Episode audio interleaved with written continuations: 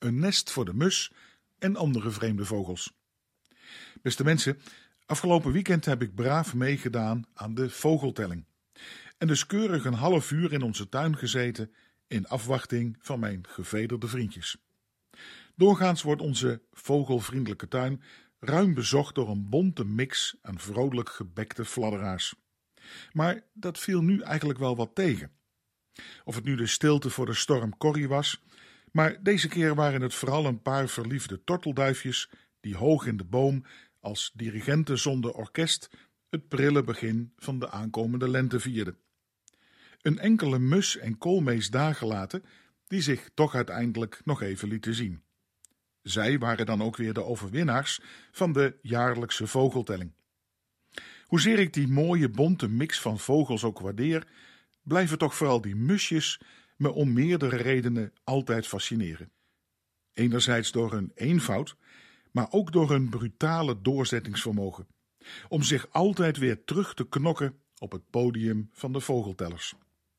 Ze leven graag in groepen. Zo hadden we vorig jaar een gezinnetje van zeven musjes onder een van onze dakpannen, die we regelmatig met elkaar als een groepje naast elkaar op de waslijn zagen zitten.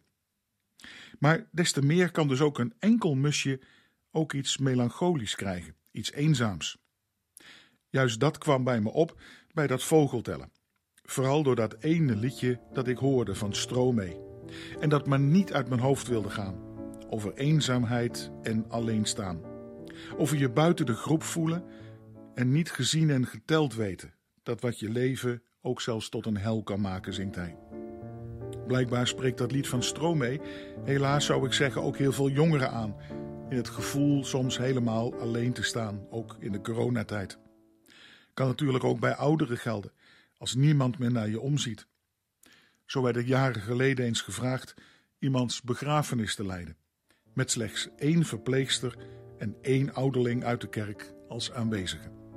Het lied van Stromee over eenzaamheid had er gepast. Ik moest denken aan woorden van Jezus, die juist ook de eenvoud en die schijnbare alledaagsheid van een simpele mus gebruikte om toch de kostbare waarde van elk mens aan te geven. Hij vroeg toen aan de mensen: wat kosten vijf musjes? Bijna niets. En toch, toch wordt er niet één door God vergeten. Wees niet bang, jullie zijn veel meer waard dan een hele zwerm mussen. Je kunt zo gemakkelijk denken dat je alleen maar meetelt als je bijzonder bent. Als je presteert en voldoet aan de eisen die de maatschappij of anderen aan je stellen. Ook als gelovig mens kun je het gevoel hebben dat je vooral bijzonder moet zijn om mee te kunnen tellen. Dat je bijvoorbeeld die wijze kerkuil moet zijn, of een hoogvliegende adelaar, een zwevende meeuw, een goede luistervink, een altijd zingende zanglijster of sierlijke zwaan.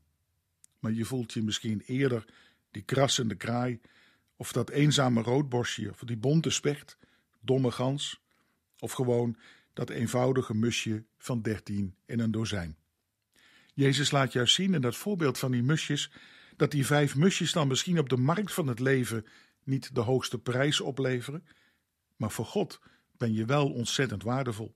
Voor Hem ben je een geliefd en gekend kind. Voor Hem tel je mee en doe je ertoe met jouw gaven en talenten. Met je vreugde en je verdriet, met je mooie kanten, maar ook met je schaduwzijde of verborgen misschien wel donkere kantjes. Hij wil je niet alleen persoonlijk zijn liefde, troost in verdriet en vergeving bij wat er misging en nieuw perspectief geven, maar ook graag dat we in relatie met anderen zullen leven. Het is immers niet de bedoeling dat de mens helemaal alleen in het leven staat. Zelfs de mus heeft een nest nodig, zegt Psalm 84, zoals ook een mens bij God mag wonen. Ik hoorde dat het Olympisch Stadion in Peking ook vogelnest heet. Daar zou veel over te zeggen zijn. Maar voor mij en nog voor heel veel anderen is de kerk van vandaag in allerlei verschillende vormen ook nog steeds zo'n waardevolle plek van ontmoeting van elkaar en van God, een nest om samen op adem te komen. Niet op basis van je prestaties, maar omdat we door God geliefd zijn.